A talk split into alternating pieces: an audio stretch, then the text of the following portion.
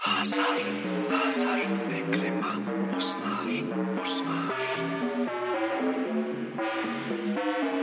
Hasar, hasar, með grimma og snar og snar. Hasar, hasar, með grimma og snar og snar.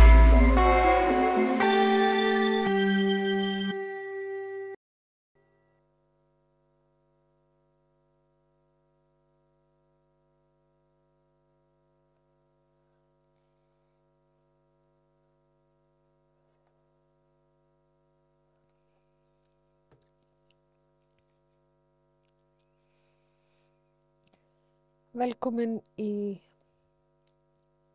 þáttinn Grimmi og Snar. Við erum hérna á samstöðinni 80,9, 81,9. Nú mann ég ekki alveg en allavega ef þú ert að hlusta þá ert á réttri rás og hérna við erum líka á í sjónvarpi Símans. Við erum á Spotify og YouTube, svo grimmi og snar eru út um allt, nánast. Hérna, í dag verður svona rólegu þáttur og ég ætla að lesa fyrir ykkur ævintýri. Grímsævintýri og Þetta er úr bók sem heitir bara Grimsærentýri fyrir unga og gamla og Silja Aðalsteins titti og ég vona að þetta sé ekki eitthvað réttindabrót. Það verður þá bara komið ljós. Já, hlustendur, áhörundur, þið getið lengt aftur augunum og hlustaða æfintýrið einiberjatriðið. Og þá hefst lesturinn. Fyrir 2000 árum, eða minnstakosti fyrir mjög lengu, var auðugu maður sem ótti væna fallega konu. Þau unnust hugar ástum, aðeins eitt skorti til að fullkomna hamingi þeirra og þá voru börn. En þó þau þáði, þráði innilega eignast barn og þótt að konan lægi á bæn, bæði nætur og daga, það kom ekkert barn og ekkert barn kom. Fyrir framann húsi þeirra var garður og í garðinum ógs einuberatriði. Eitt vetradag stóð konan undir tríðinu og var að flysja eppli þegar hún skarsi allt í einu í fingurinn, fingurinn og drópi að blóði fjall ofan í snjóin. Ó, sá hún, ég vildi að ég egnaðist badd sem var raukt eins og blóð, kvítt eins og mjöll. Um leið og hún mælti þessi orð, liftist á henni, á henni brúnin og hún fann hamingin að fylla huga sinn. Hún fór aftur inn í húsið, alveg vissum að allt færi vel.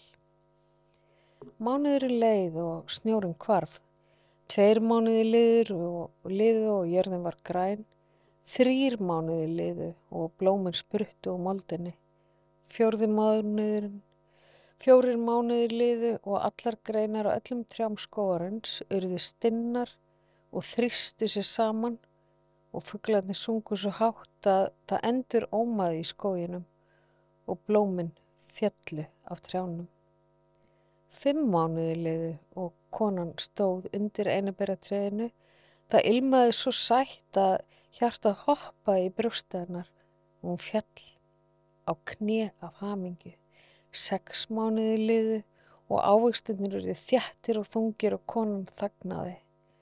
Þegar sjö mánuðir voru liðnir, tíndu hún einiberinn og átt svo mörg að hún var veik og sorgmætt. Þegar áttamánuðir voru liðnir, kallaði hann á bonda sinn og sagði við hann grátandi, ef ég deg, viltu það grafa mig undir einiberjatríðanu. Hún róaðist við lofa Hún róaðist við lofur hans síðan leginn mánuður í viðbútt og hún egnaðist barn sem var raukt eins og blóð, kvítt eins og mjöll. Þegar hún leitt barnið augum rúmaði hjarta, hjarta hennar ekki gleðina og hún dó. Eigimaður hennar gróf hana undir einubæratriðinu og grét besklega. Eftir nokkra hríð rénaði sorg hans og þótt hann grét enn var grátur hans ekki eins besklegur og þegar nokkur tími var enn liðin kvæntist hann aftur. Hann egnaðist dóttur með setni konunu en barni sem fyrir konan hafi egnast var raukt eins og blóð og hvít eins og mjöll var svonur. Setni konan unni dóttu sinni en í hverskipti sem hún sjá litla drengin fann hún hjarta sitt herpast af hatri að því hún vissi að hann myndi erfa auða við mannsins og óttaðist að dóttir hannar fengi ekki neitt. Þetta sá Kölski og settist að í huga hennar og leiði henn ekki að hugsa um neitt annað og þangað og þaðan í frá lit hún litla drengin aldrei í friði. Hún lamdan, barði, hún æfta á hann og lit hann standa í skammakröknum þangað til veselingsdrengurinn var orðin svo kvektur að hann þorði var alltaf heim úr skólanum að því hann fekk hverki að vera í friði.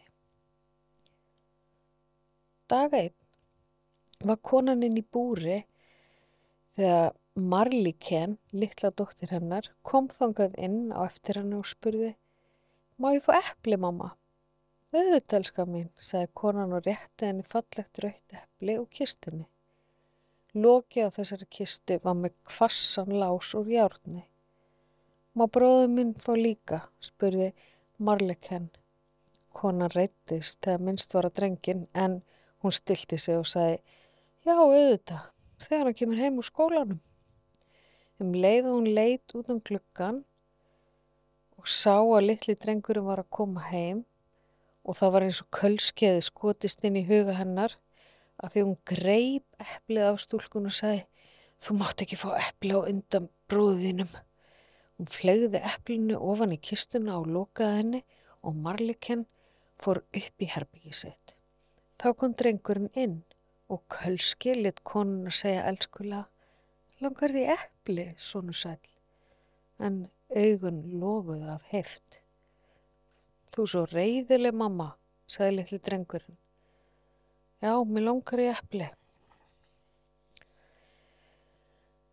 Hún gati ekki hægt, hún varða að halda áfram.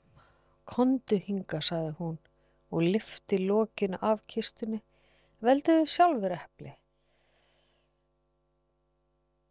Hallaðu þér betur fram, svona já. Þau bestu eru þarna, baka til það drengurinn hallaði sér við kistuna, potaði sá vondi í hana og slam.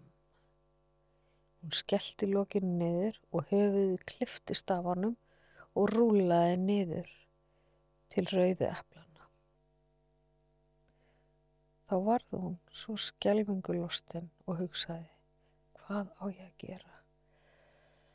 En kannski þetta er ráð og hún hljóp upp og náði kvítan klút í komuðuna sína, setti drengin á stól við eldurstyrnar, stilti höfðinu hans, stilti höfði hans á hálsin og nýtti klútin svo ekkert sæjast. Síðan stakk hún eppli í lóa hans og fór í eldurst og sett upp vatn. Þegar Marliken kom inn í eldúsið og saði Brói, sittu við dittnar og saði Brói, sittu við dittnar og heldur á eppli í hendinni.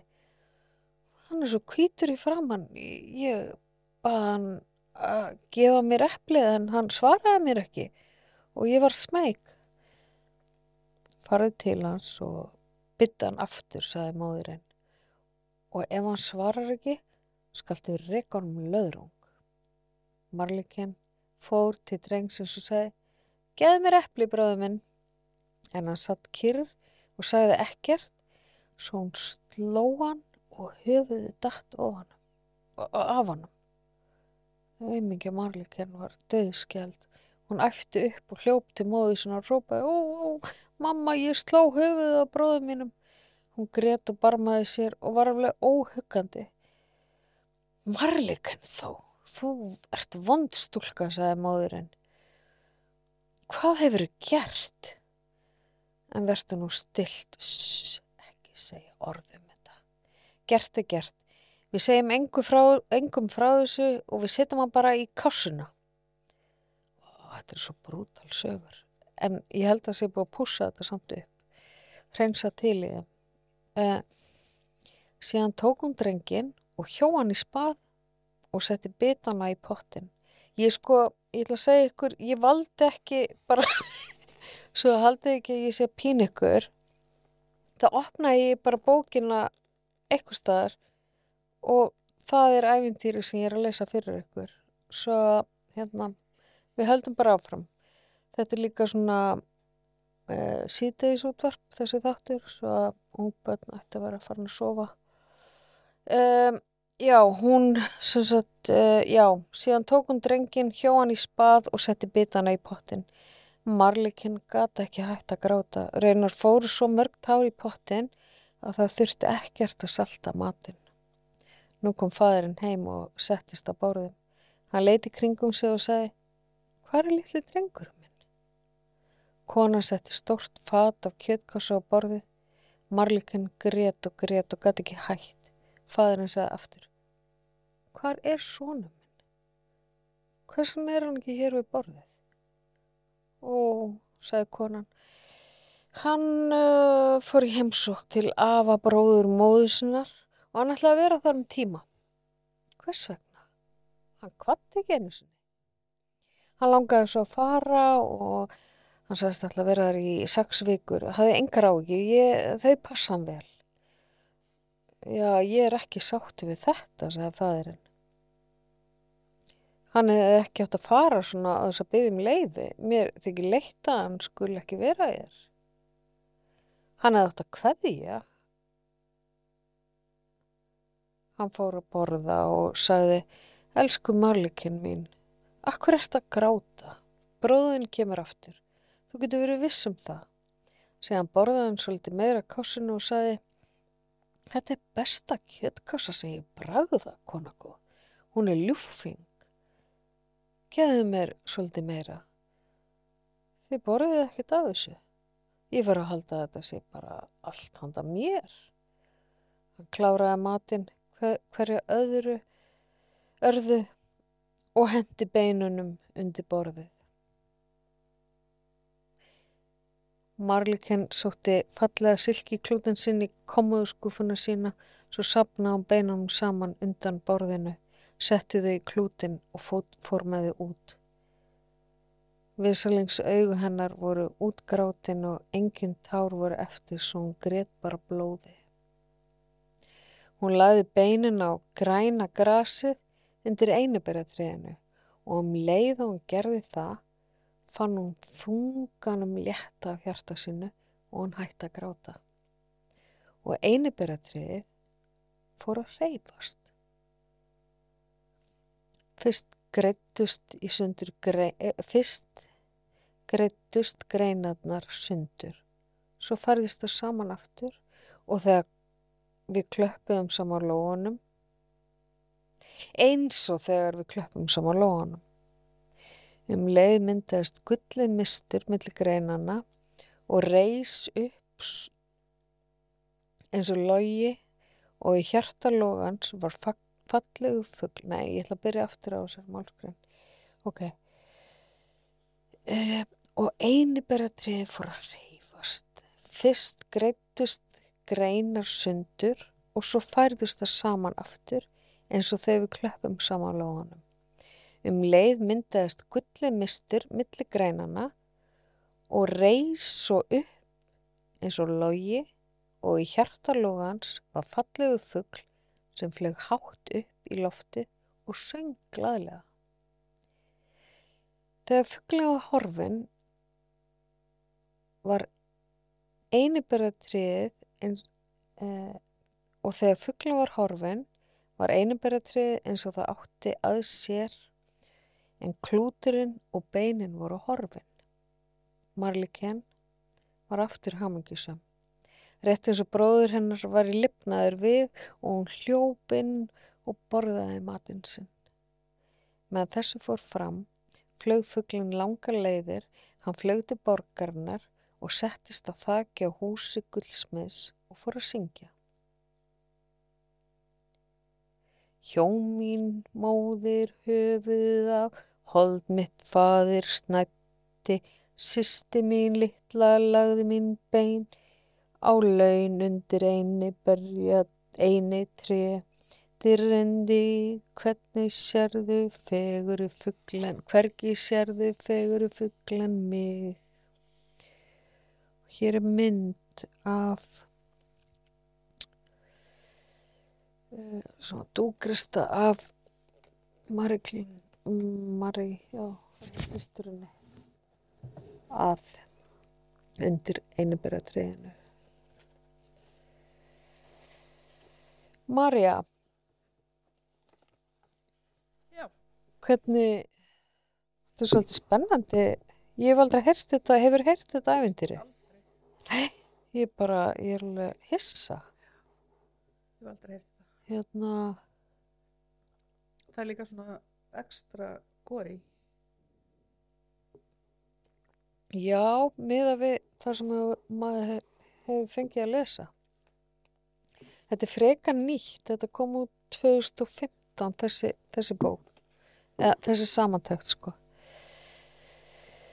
Jæja, já, þið eruð að hlusta á Grimma og Snar, ég heiti Ingibjörg Magnadóttir og er með ykkur í kvöld og ég er að lesa, eða þið voruð að koma að tækinu, saman hvernig tæki það er, þá er ég að lesa einabyrjað tríð og þetta eru Grimsaventýri og getur þú kannski Mari í svona stuttumáli farið það sem búið að gerast í aventýrinu tekið þetta saman og ég að taka þetta saman? Já, ég held að þú, þú set betur til þess ok. Já þetta er sem sagt hjón sem uh, gátt ekki eignast bad og hún óskar sér. Þegar hún sker sig á fingrinum verður barsáandi og fæði badni og hún deyr sem sagt uh, já, deyr bara af, af því að sjá hvað badni er fallegt. Eða fegur og bara ásti barsins það ber hjarta ofuliði og hann hann syrgir náttúrulega kallinn. En síðan finnur hann hann hittir aðra konu og, af, og þau eignast dóttur. Og sagt kona þessi nýja kona hans er ofbúslega uh, hrættum að sonur hans sem hann eignaðist með kon, fyrir konu sinni sem dó að hann fái allan arfin svo hún leggur svona fæða á hana og lemur hann og er mjög grimm við hann og endar á því að höggva hans hausinn og við erum stödd þar í ævindurinu þegar sýstir hans sem er svona uh, aðalpersona finnst mér. Marley Ken er búin að galdra eitthvað svona fuggl úr honum. Og þessi fuggl syngur og syngur lægið um örlöf sín. Allavega við, við höldum áfram lestrinum. Um,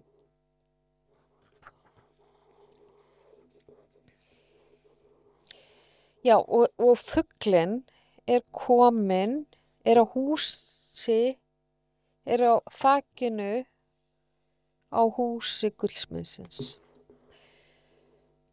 Guldsmiðurinn var að vinna, ég heyri eitthvað svona bíp, hvað er þetta? Marja? Þetta er uh, ég að fykta í hérna, kamerastýringu. Æ, ok, ok, ég er eitthvað að láta þetta trubla mig. Sorry. Heyri, nei, já, það er allt, eða, þú veist, ef þú þarft að gera þetta, það er allt í lagi. Ok, uh, gullsmiðurinn var að vinna keðjugulli.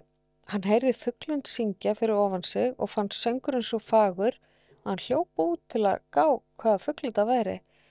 Hann flýtti sér svo mikið að hann mista hann á skóin og stóð hann á miðri göttinni með leðusvundina sína og í öðrum skónum, með töngina sína í annara hendinni og gullkeðinni hinni og hann leit upp til að sjá fugglinn og skigði hendinni fyrir, fyrir augu til að hlýfa þeim fyrir sterku sólaljósinu og kallaði Hæ fuggl, mikið er þetta fallegt lag.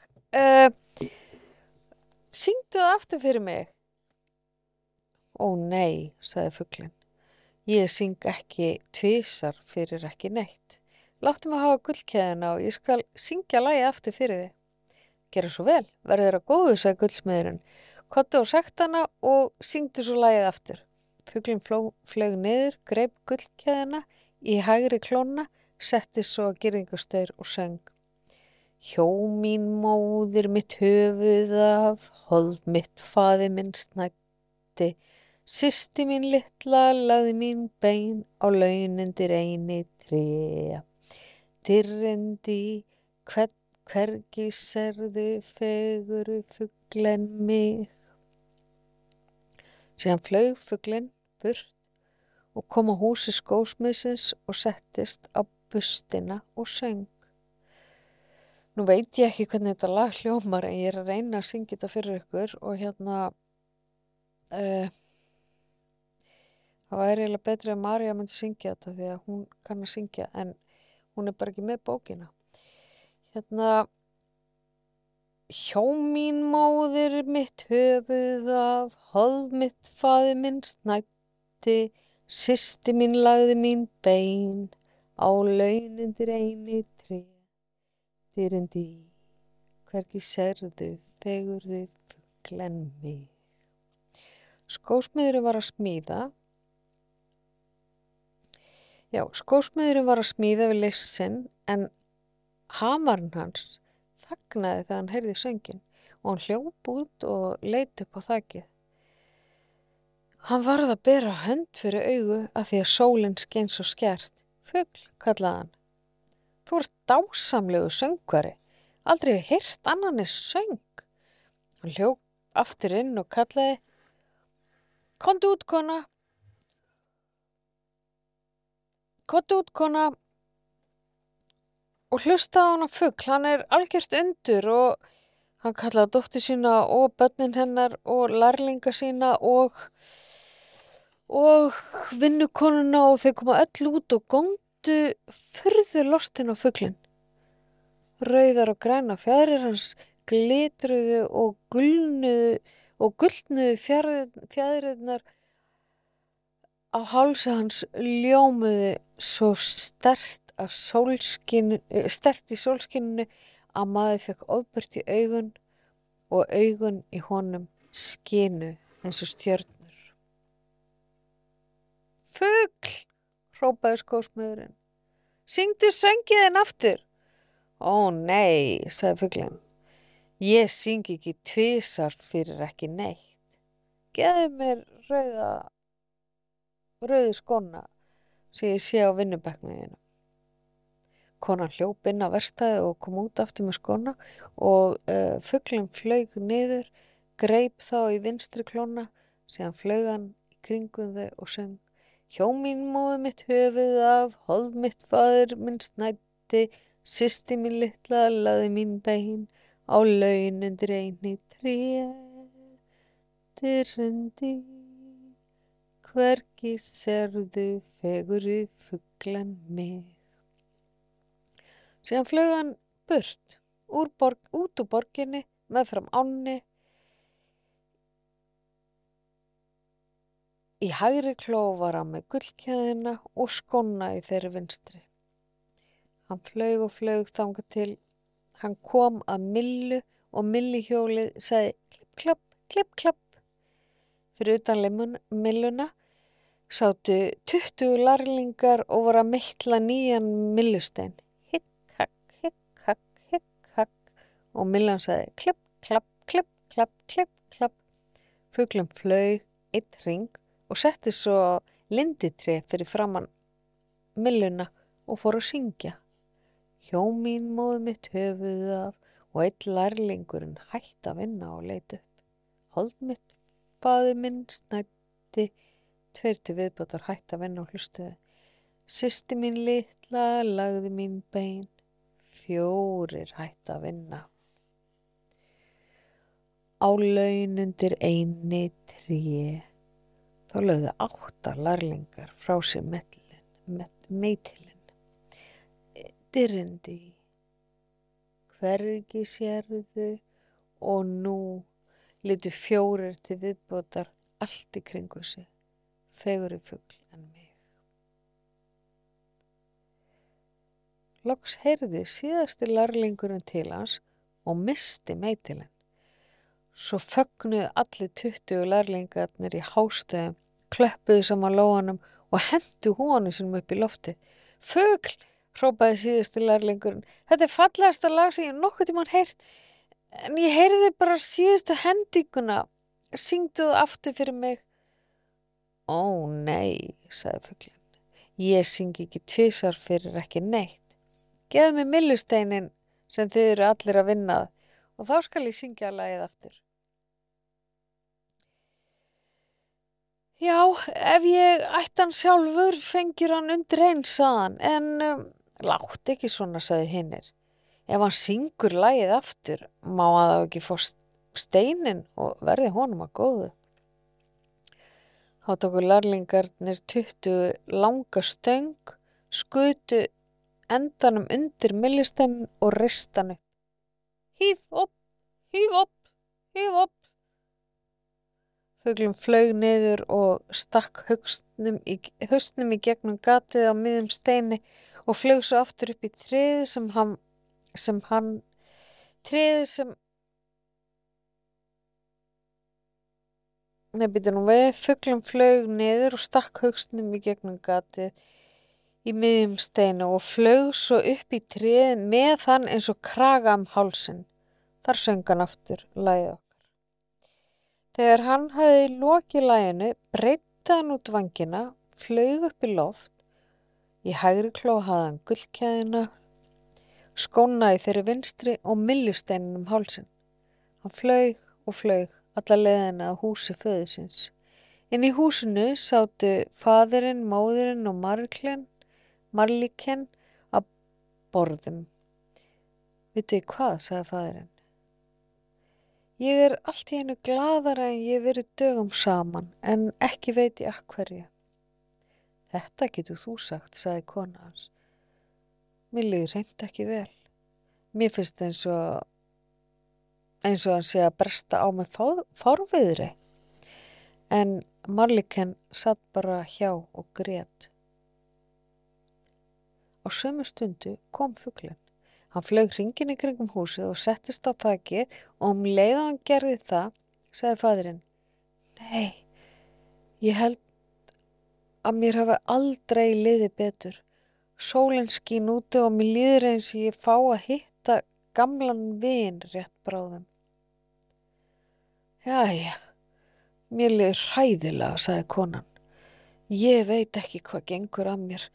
Mér er svo kallt og heitt um allan kroppin Hennuna glamra og æðarna mínar og um æðar mínar rennur eldur. Hún reif svo treyinu með skjálfandi höndum. Marliken satt út í hotna og grét og grét svo sárt að vasaklútunum hennar var hann rennblöytur. Þá flög fuglinn af þakkinu og settist í einaberatriði þar sem þau sáu hann öll og hann söng. Hjó mín móðir mitt höfuð af, móðurinn greip fyrir eirun og klemdi aftur augun. Háfaðin í höfða hennar var óskaplegur og eldingar listu á bakvið auglokkin. Hold mitt faði minn snætti. Sjáðu þetta kona, kallaði maðurinn. Þú er aldrei séð svona fallegan fuggl.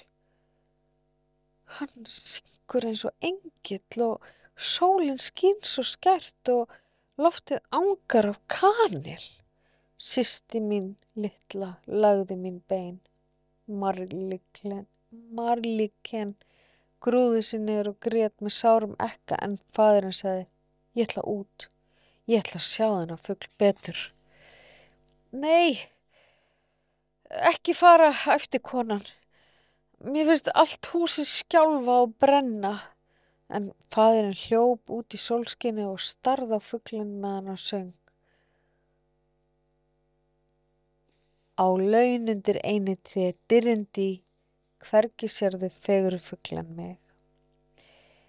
Þegar hann söng síðasta tónin, slefti hann gullkeðinni og hún fjall um hálsin á föðurnum og hún passaði svo, hún passaði svo vel að það var eins og hún hefði verið gerð handa honum sérstaklega. Fadurinn hljóp strax inn og sagði Þetta er óskaplega fallegur fuggl og sjáuði hvað hann gaf mér sko. Kona var ofrætt til að líti upp. Hún fjall endi löng á gólfi og hettan datt af henni og vallt út í hotn og hettan. Ó. Byrjaði fugglum aftur. Hjó mín móðir mitt höfuð af. Nei, ég þólet ekki. Ég vildi óska að ég væri þúsund fötundir yfirborðu jarðar svo ég þurfti ekki að heyra hana söng. Hold mitt faði minn snætti og kona dætt aftur niður á gólfið eins og rótuð og klóraði gólfið með nöglunum. Sisti mín litla lagði mín bein. Þá þurkaði marlíkinn sér um augun og stóð upp.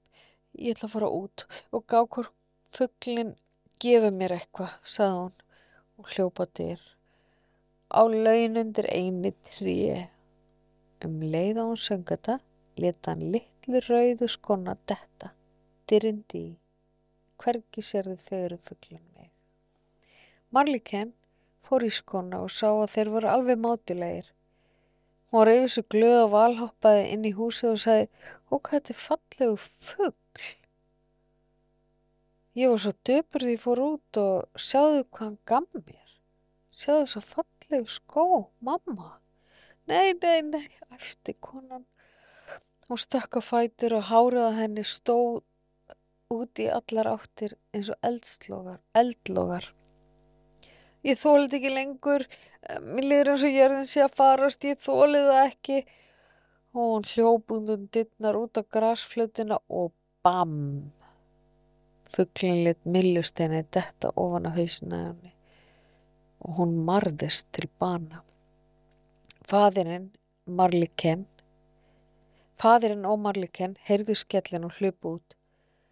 Reik og loga lagði upp á staðinum og svo kom svolítið góla og blesti í burtu og þegar allt var aftur kyrrt þá stóð hann litli bróðið þar. Hann tók höndina á föðu sínum, hann tók höndina á föðu sínum í aðra höndina sína og höndina á marliken í hina og þau voru öll sæl og glöð. Síðan leittist þau inn í húsið, settist á borðum og borðiði matinn Síðan er, uh, já, þetta er búið. Uh, já, heyrði, síðan er svona eftirmáli. Ætli, já, uh, ætli Silja skrifa hann ekki. Silja Aðalstóttir sem dýtti. Uh, þeir eru að hlusta á Grimma og Snar á samstöðinni. Kannski eru það að horfa.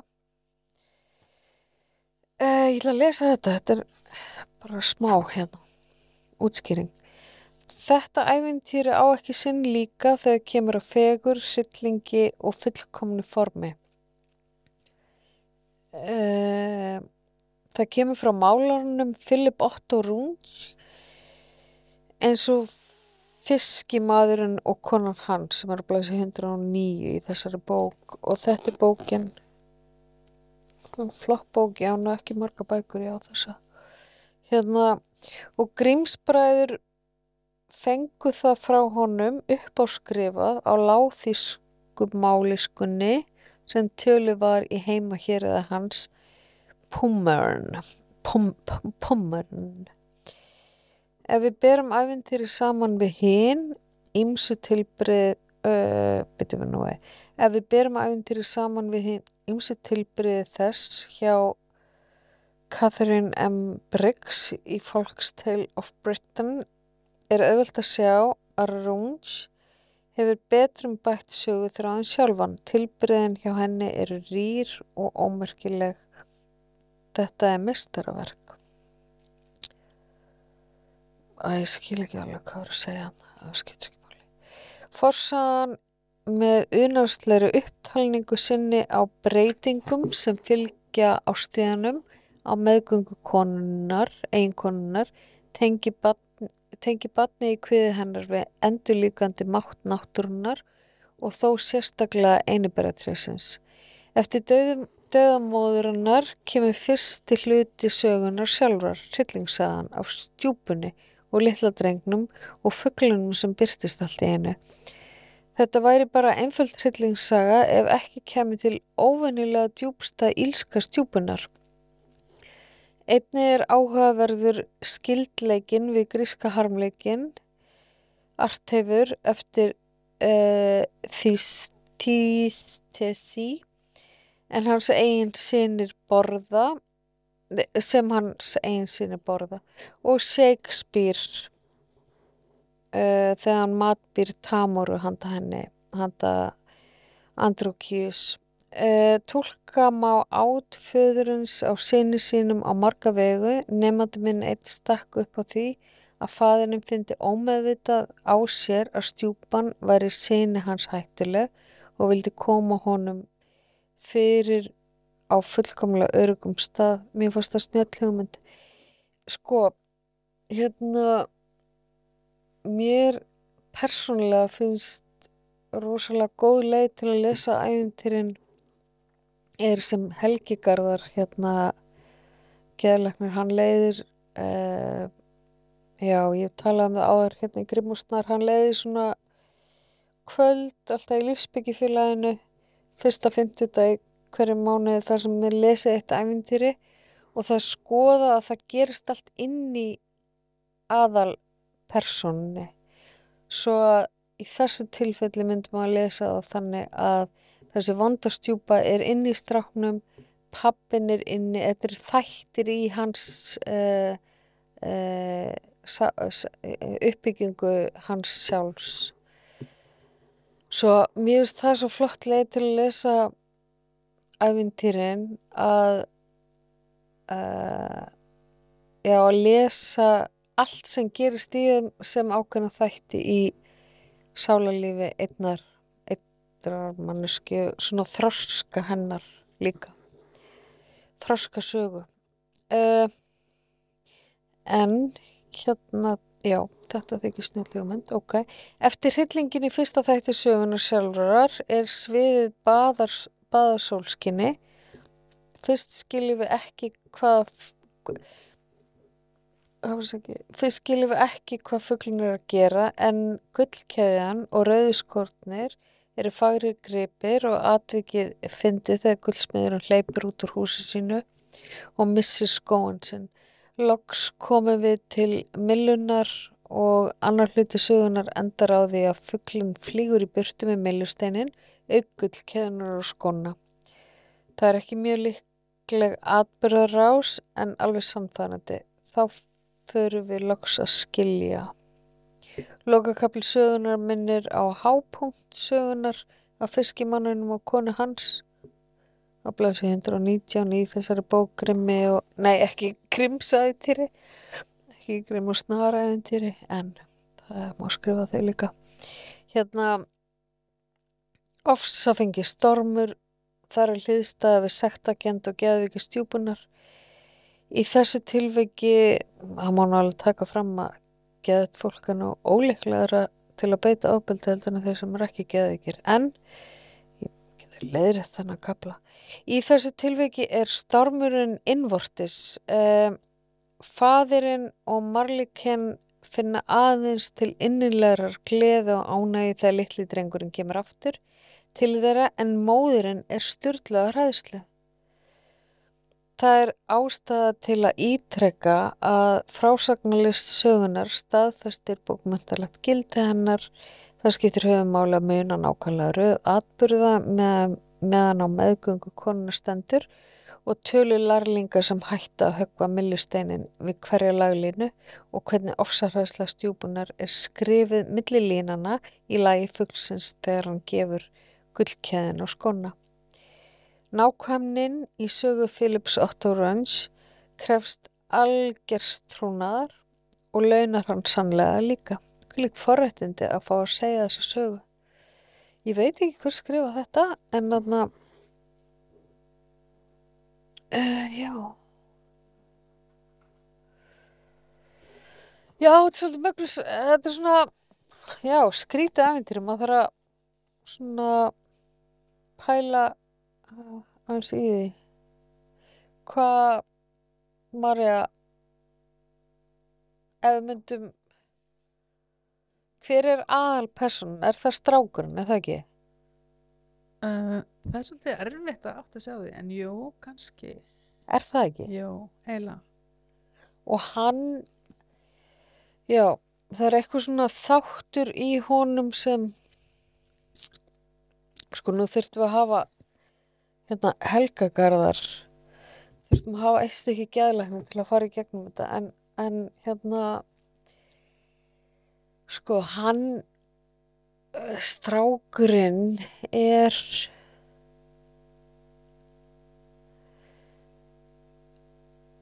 já, hann missir móðu sína bara þegar hann fæðist.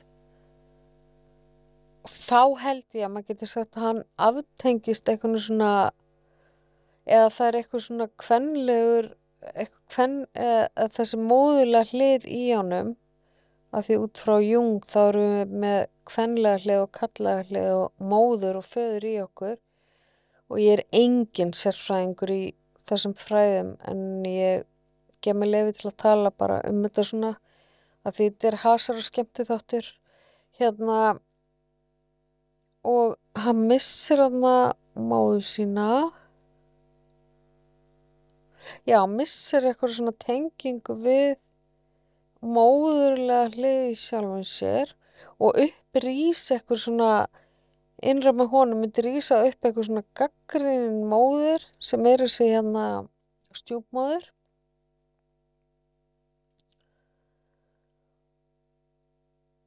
já, þetta er flóki hann lendir í einhverjum álögum. Uh, að hverju? Já, að því, já, hann lendir í álögunum að því að vondastjúpan innra með honum uh, kæfir hann. Alveg, þú veist hann, hann getur ekki verið frjáls og hérna og hann verður á endanum bara kvaðnar hann algjörlega niður hann er svoðin í súpu og og hérna síðan borða þau hann. Og ég- Vá, þetta er ógeðslega Þetta er svo rosalega ha, Þetta er svo ógislagt. já, þetta er, ég bara opnaði eitthvað að sögu. Ég er ekkert svona, já, þetta er alveg en við, erum bara að skilja hérna, já, þetta er svolítið óguslegt Hva, hvað myndi tákna að þú veist, einhver borði þú veist, annan í svona, ef þú setur það í eitthvað svona? Sam, það er öruglega sko að hann hann deyr sjálfum sér. Hann einhvern veginn svona hann hérna þetta er náttúrulega bara eitthvað svona dauði og síðan upprisa í þessum fuggli og sem þessi fuggl næran í eitthvað annað ef allir eru inn í honum þú veist, pappin, mamman systirinn og gullsmiðurinn og millu eitthvað sem, já og skósmiðurinn og hann fer og næri þessa þætti í sér sjálfum Mhm. kemur með það tilbaka og endurfæðist. Þetta er rosalega gróf svona greining en ég get ekki alveg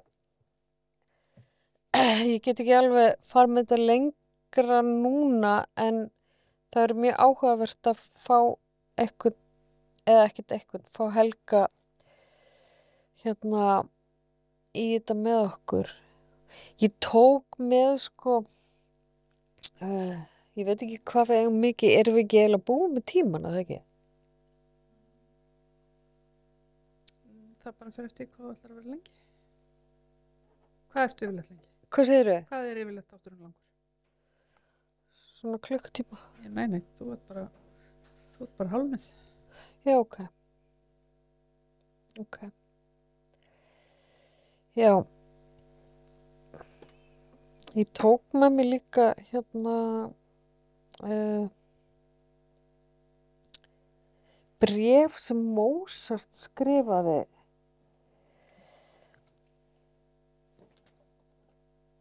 Býttu nú við, ég þarf aðeins að færa mig. Þú segir kannski eitthvað með það. Já, ég bara, er bara ennþá að, taka inn þetta hrikalega æventýri, sko. Þetta ævintýri. Já, mér það bara svakalegt, sko.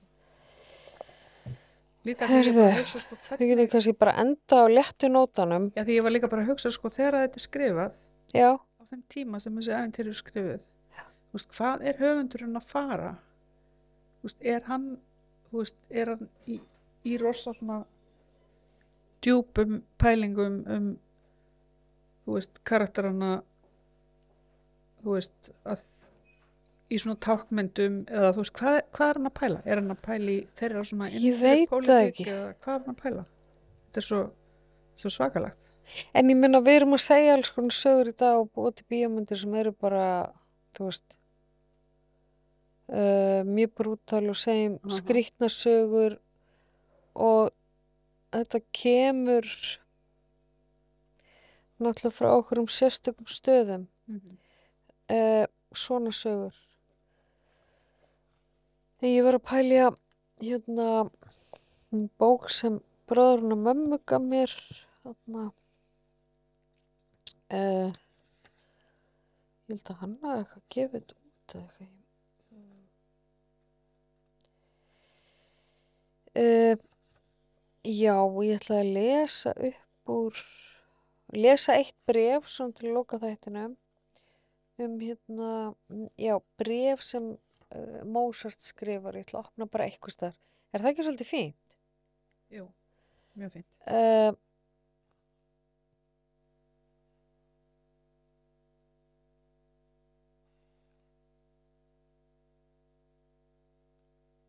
ok. Hérna Vínaborg 27. mæ 1781 til föðursins. Montrese Pierre. Þér hafi rétt fyrir yður, faði minn, alveg eins og ég hefði rétt fyrir mér. Ég veit um og gerð þekki alla mína galla en skildi ekki vera hægt að ráða bóta þeim.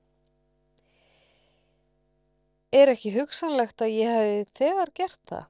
Hver mjög sem ég hugsa máli fæ ég ekki annars séð en að ég geri sjálfu mér yður besti faðir og sýstu minni góðri mesta greiða með því að vera áfram í Vínaborg. Svo virði sem gæfan býði mín hér. Mér finnst sem ég ætti að vera hér um kyrt og þannig kom það mér einni fyrir sjónin í munn þegar ég var að fara þaðan. Ég hlakkaði til Vínaborgar en ég vissi ekki hvers vegna. Þetta er Mozart að skrifa pappa sinu. Byðlund verði ég að fara fram á við yður og mun ég þá geta sínt og sanna hversu nöðsynlega Vínaborg er okkur öllum. Þið megi til með að trúa því að ég er gerbreyttu maður að heilsu minni einni undaskilinni er ekkert mér jafn nöðsynlegt og hafa peningar á. Ég er engin nervill. Það er víst og myndi eiga illa við mig að gera slíkur en engu síður er ég álitin vera líklegri til nýsku en eðslusemi og nægir það mér í bráð. Nefendur get ég haft eins marga og ég kæri mig um. Ég kæri mig hins vegar ekki um að hafa marga en vil fá meiri borgun fyrir kjensluna en aðrir fá. Að því færi nefendur. Maður verður að bregða við hart og rýsa öndverður sér til varnar, annars læti maður í minnipokan fyrir fullt og allt og og röltir farnar götu allra hinna. Já, röltir farnar götu allra hinna. Þetta er sama og þarna einræður stark, þarna voru einræður starkar þannig að segja eitthvað svona sóaði kröftunum í hér smáa. Uh, verið þess vissir að yðjuleysi á ekki við mig heldur vinna. Í Salzburg, já, sattir það. Kostaði mig mæðu að fá mig til þess. En hvers vegna? Að því að mér haus hugur við því. Þeir verðið sjálfur að játa að í Salzburg var vinnan að minnstakosti ekki mín vinna. Ekki talin krosskildingsvirði. Margir þa eru þar sem ég vil ekki eiga samskipti við og flestir aðrir sem fyrirlíta mig. Engin uppvörfun fyrir hæfileika mína. Þegar ég læt til mín heyra á hljóðfæri eða leikin eru verk eftir mig er engu líkar en að áhörundur séu stólar og borð. Hefði þar aðeins verið leikús sem heiti gæti líkt því sem er aðal viðurværi mitt. Æ, ég skildi þetta ekki alveg, ég þarf að lesa þetta aftur. Margir eru þar sem ég vil ekki eiga samskipti við og flestir aðrir sem fyrirlíta mig. Engin uppbörfin fyrir hæfileika mína. Þegar ég læt til mín heyra á hljóðfæri eða leikin eru verk eftir mig er engu líkar en áhörnundur sé stólar og borð. Hefði þar aðeins verið leikhús sem heiti gæti líkt því sem hér er aðal viðurværi mitt. Í munn hér, það verður að viðurkennast satt. Verður að viðurkennast, satt ég með þvertum geð sjálfur fyrir byrtu í yðar augum, þar slefti ég mér full mikið. Það var náttúrulega svolítið svona, já, það var íðislegur. Þó get ég svarið og lagt við æru mína að ég fór aldrei í leikhús áður en ópera mín var flutt og að ég heimsótti enga aðra en cannabis fjölskylduna að ég hafði jafnan þurft að leggja harðast að mér Marja. Ég held að ég þurfi eigum ekki að loka þessu bara á ævintýrinu Já, mennar að hoppa yfir Mozart. stjættabaróttuna hjá Mozart. Já. Já. en þetta sé í lags í lokin var það ekki óslega leðilegt Þannig að eftirmálin, já, það- sem var svona skýring, já,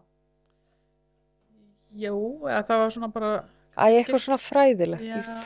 kannski ekki alveg öllu máli. Einmitt. En, en, já. En mér er svolítið skemmtilegt þetta sem úr að lesa um Mozart. Hvað segirðu? Mér er svolítið skemmtilegt þetta sem úr að lesa um Mozart núna. Af því að hann er bara, þú veist, í sama bara og fólk sem að, lista fólk sem er að kenna í dag, Ég veit það. að bara bekkirnir eru stórir og eitthvað svona, svona hvart undir líka, undan líka, þú veist, áhörfendunni séu bara eins og borðastólar en ekki lifandi leikus. Það, fær ekki nóg mikla, Ok, ég skal halda áfram. mér finnst það mjög skemmtilegt, sko. Ok, ég held bara áfram. Mm. Við erum ekki að klippa þetta. Um, hún heitir Cannabis fjölskyldan, held ég. Eða ég, svo bortilega lesblind. Um, býtu. Að ég hafa jafnum þurft að leggja harðast að mér undir, lok, uh, undir lokin er rétt en kom ekki til af tómri leti eða hyrðuleysi. Orsakinn var svo að ég gat ekki fest nótu á blaði í tvær vikur. Ég hripaði að vísu en hreinlega, en hreinskrifa gat ég ekki. Auðvitað fór tímin í súgin en ég sé ekki eftir því og, og ég lifti mér fullmikið upp á eftir býtu nú við og að ég lifti mig fullmikið upp á eftir er uh, ungjaði mínu um að kenna. Ég hugsaði sem svo, hvert leikur leið þín? Til Salzburg? Þá verður að halda skilnaðagildi. Því Vínaborg sjálf er mér næg unaðsend, treysti mér.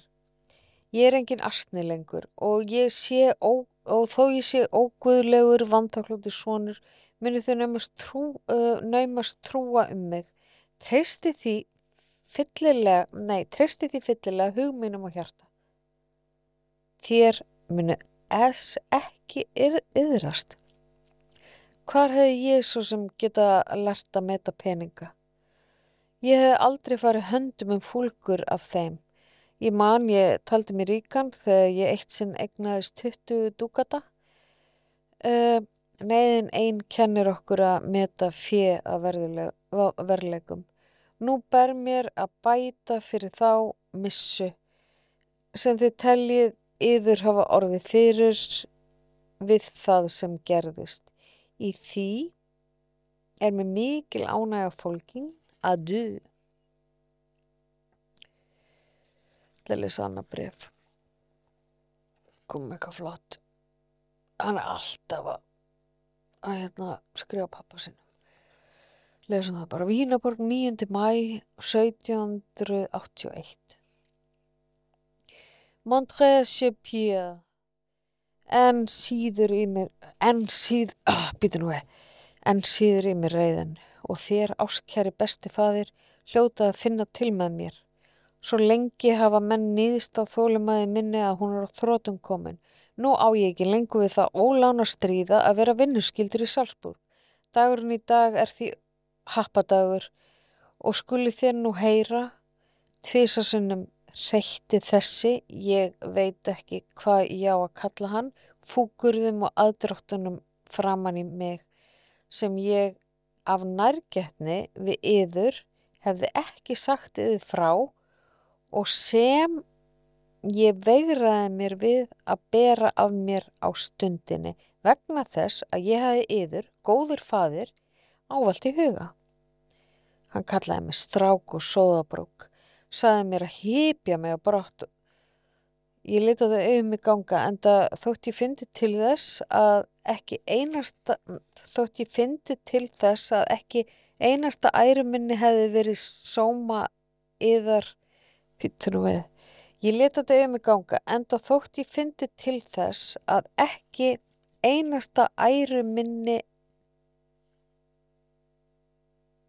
til þess að ekki einasta æruminni heldur einnig sóma yður væri gróflega misbúði. En þér vildi hafa það svo, en þér vildi það svo hafa. Og því þagði ég, en takinu eftir. Fyrir viku kom hlaupasetninga að mér óverum og tjáði mér að ég er að fara brott án tafar. Öllum öðrum hefur verið gefin viss frestur en ekki mér. Ég flytti mér að týna saman fengum mínar í ferðarkistuna. Gamla frún Weber var svo vinalega að bjóða mér að búa á sínu heimili. Þar fekk ég visslegt herbyggi og fæði njóta hjálpar þjónustu fólks sem útvaða mér allt sem einstaklingu þarnast í skyndi en er ófærum að útbyða sig sjálfur. Ég ákvaða að halda á stað á miðugudag, það er að segja í dag, það nýjunda. Með postvagninum En, hafði, en hafði ofnæman tíma til að sanka að mér til fjés í átti inni og var að fresta förminni til lögadags. Ég þegar ég gerði þar vart við mig í dag, sögði þjónandi mér að erkibiskupin ætlaði að byggja mig fyrir böggli, fyrir böggul. Ég spurði hvort það á lægi en þeir kváði það vera mjög áreðandi. Þá þykir mér leitt að geta ekki hlotið þann heiður að þjóna hans há æruverðu náð. Þar sem ég, af ofangrindum ástæðum, er neittur til að fess, fresta förminni til löðadags. Ég er á gödunni. Ég verða að framflita mér á eigin kostnað og er því löglega afsakaður þótt ég komist ekki af stað fyrir en ég hef ráð á því og skildi engin lág með það. Klæman Mál uh, Bölninga og báðir herbyggistjónarnir hans tóku það gild. Þegar ég kom inn til hans, notabenni, ég verð, verð áður að taka fram að Slásser ræðlaði mér að bera því við, mér til afsökunar, að öll sætin í postvagninum hafi verið sett, ásett og myndi svo málbót duga mér betur. Þegar ég kom inn til hans voru fyrstu orðans þessi. Hvenær leggur hann strákunum svo á stað? Ég. Það var áallin mín að fara með postvagnum í kvöld en gat ekki fengið sæti. Þau voru öll lofuð. Þá kom gusan framann í mig og ég að ég væri vesti strák, stráksvaskill sem hann hefði kynst, enginn hefði þjóna sig jafn illa og ég og hann réði og hann réði mér til að hafa mig á brott þegar í dag. Ætla myndi hann skrifa heim og, og fyrir, fyrirskipa laun mín erðu kyrsett. Ég gæti ekki koma upp einu orði, ræða hans úr honum eins og eldstólpi. Ég hlustaði bara á hann með stillingu þó að hann reytti þeirri líi framann í mig að ég fengi 500 gillinga í laun. Enda þótt ég væri larfur og lúsableysi og apatríni, æ, ég get ekki haft það allt eftir við yður. Loks. Loks þegar blóðið fór að olga æði mínum var mér að orði. Svo yðar há er æruverða náð er ekki ánað með mig. Hva? Hefur hann í hótunum við mig fýblið? Þannig eru dittnar. Ég vil ekki hafa mig með slíkan strák óþokka að gera ég vil ekki hafa með slíkan strák óþokka að gera framar. Og og ég er ekki með yfir bættaðan við að endingu. Burt með hann. Um leiðu ég gekk út um dittnar sagði ég við það stend ég. Á morgun fáið það skriflegt. Segi mig nú, fæði minn góður hvort ég hafa ekki sagt upp frekar of seint en of snemma. Sjáu þeir til. Ég met heiður minn meir en allt annað og veit að yður er eins farið. Hafið þið engar áhyggjur á mér. Ég til stöðu mína hér svo vissa að mér hefði verið, ég til stöðu mína hér svo vissa að hefði, að mér hefði verið óhætt að segja upp án minnsta tilefnis. En þar sem slikt tilefni var fyrir hendi og það þrefald sé ég engan hag í því lengur að en kontra tvísvar var ég kallaður hundspott og í þriðja sinn vildi ég ekki vera það lengur. Meðan erkibiskupin dvelur hér mun ég enga tónleika halda. Ef þér haldið að ég komist í óna hjá aðlinum og keisarunum er það algjör miskilingur. Erkibiskupin er hataður hér um slóðir, er hataður hér um slóðir og mest af sjálfum keisarnum. Hann er óður og uppvægur út af því að, keis, út af því að keisarn skildi ekki bjóða sér til Laxenburgar hallarinnar. Með næsta postvigni mun ég senda þið svolítið fjárupphað því til sannunar að ég bú ekki hér við sult og seiru Að öðru leiti byrði yfir að vera ókvíðin því að nú rætist óðum úr fyrir mér og vonandi og vonast ég til að gefa mér sér egni yðargefa. Skrifi mér, lein, skrifi mér á leinumáli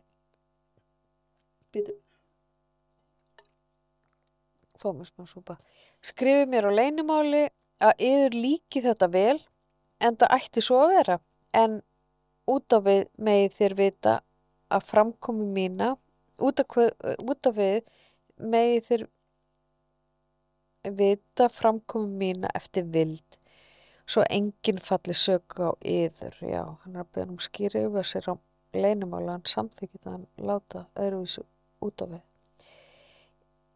Ef að nú erkibiskupin þrátt fyrir það skildir láta yður gjalda þess því allra minnsta að þið er umsögulegst að koma hinga til mín með sýstu mína. Ég get fullvisað yfir um að við getum, getum hæglega búið hér saman öll trjú og legg æri mína og legg við æri mína. Að vísu væri með það kærar ef þér getur haldið út eitt ára enn. Sendi mér engin bref framann í Þískahúsið eða með postvagnum. Salzburg kemur mér ekki lengur við. Ég hata erkibiskumin heftarlega. Adu, ég kissi hendur yðar þúsund sinnum, faðma sýsti mína, blessað af öllu hjarta og er yðar að eilifu hlýðin sonur. Vá. Og, Pappans var sko, ha, pappans var sko tónskáld líka. var, Pappans, Mozart. Ég heyri ekki. Uh, pappi Mozart, Já, hann var líka tónskáld. já, var hann líka tónskap? Já, Vá, já, já. En nú fer þessari sögustund að ljúka og hérna gaman að vera með ykkur, bara að lesa og hérna gott að ég var ekki lesblind í dag. Uh, bara svona smá nökrar á lestrin. Ég vona allir séu hérna bara sáttir. Annars það kemur þáttir eftir þennan þátt og hérna grimmi og snar kveðja. Takk fyrir áhorfið, hlustununa og þið geti gerst áskrifundur af samstöðunni en hún er opinn fyrir alla en það er eftir að vera áskrifundur og þannig styrkja þessa stöð. Kæra þakkir, ég var að lesa upp úr hérna. Já, kannski segja það uh, hún heitir bara Bref Mósarts þessi bók. Og gefin út 2002 eða viljið finna hana Bye bye